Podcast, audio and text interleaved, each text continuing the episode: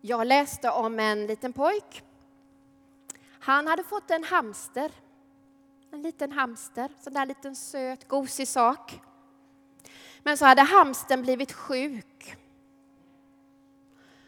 Och så sjuk så han, hans mamma och pappa hade sagt att det inte är säkert att hamsten kommer att överleva. Så en natt så hittade mamma sin lilla pojke mitt i natten på köksgolvet. Och så höll, hon på, höll han på att leka med sin hamster. Men varför, varför gör du det så här mitt i natten? Varför sitter du här med din hamster? Jo, sa pojken. Jag övar mig. Jag övar mig för att vara lagom ledsen så att det inte ska göra så ont när han dör. Jag övar mig att vara lagom ledsen.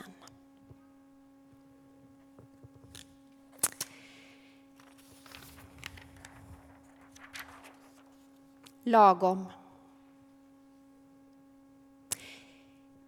Det är ett rätt bra ord, va?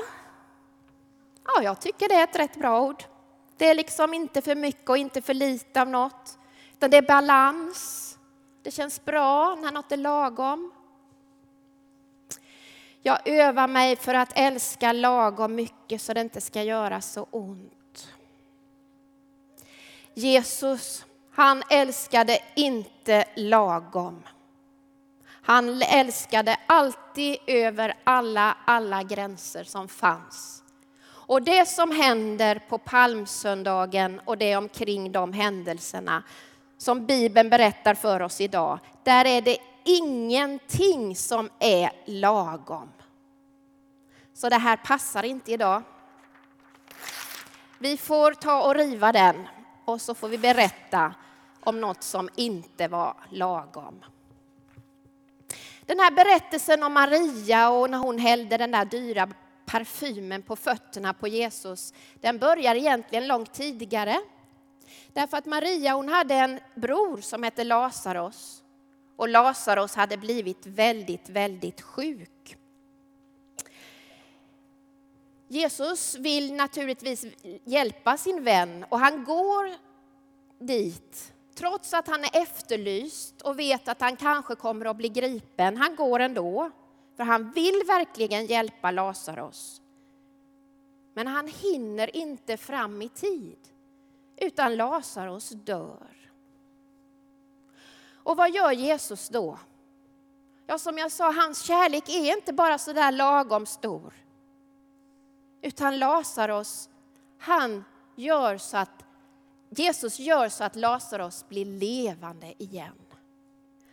Jesu kärlek går långt över alla gränser, så inte ens döden blev en gräns. Lazarus fick nytt liv.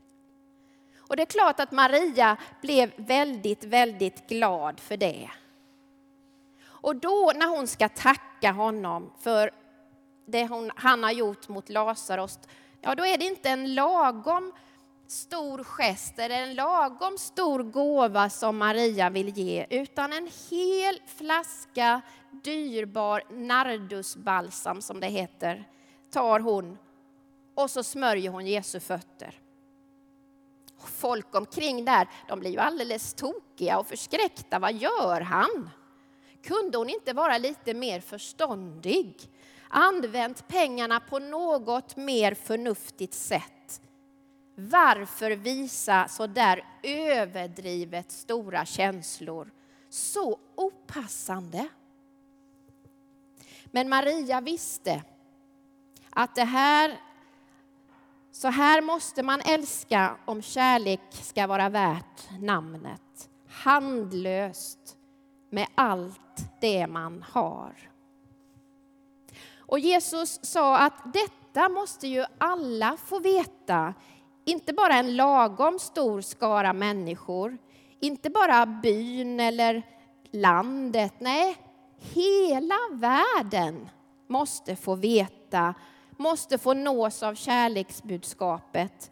Det som talar om att älska totalt och handlöst utan begränsningar.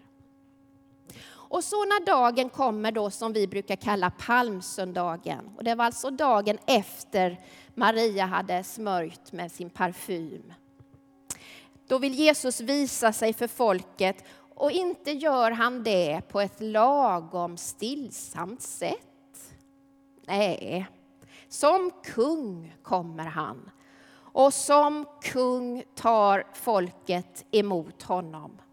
Någon lånar ut en åsna med risk att aldrig få igen den.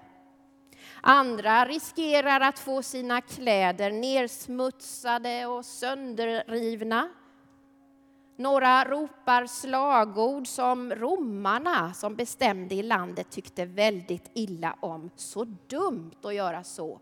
Så oförståndigt. Kunde de inte lugna ner sig lite och bli lite mer lagom? Som du märker, här finns inget utrymme för det vi brukar kalla lagom. Präktighet, försiktighet, måttfullhet. Sånt som vi kanske är mer vana vid. Överflödet och det oväntade är så totalt att vi nästan häpnar. Och den Jesus som kommer till oss genom de här berättelserna från Bibeln, det är ju samme Jesus som vill möta oss idag. Han är den som aldrig upphör att överraska oss. Han möter oss alltid med det nya och oväntade. Och jag vill tro så att han kommer till dig i din situation. Där du själv kanske har satt gränser för vad som är möjligt. Där överraskar han. Där gör han nytt. Guds kärlek till oss, den har aldrig varit lagom stor. Den har alltid varit överflödande. Och i Guds skapelse möter oss det gudomliga slöseriet.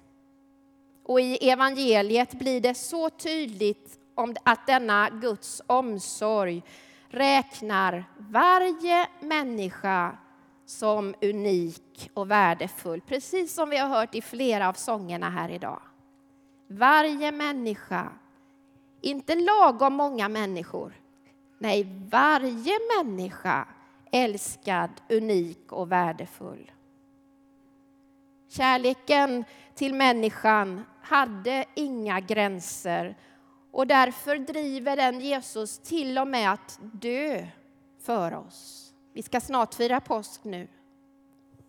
Och den driver honom genom döden för att också dela livet med oss.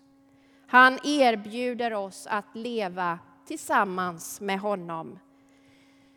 Men jag tror att han faktiskt vill göra det helt och fullständigt. Helt och fullständigt vill han dela livet med oss. Inte bara vara en lagom stor del i våra liv. Helt och fullt vågar vi det. Amen.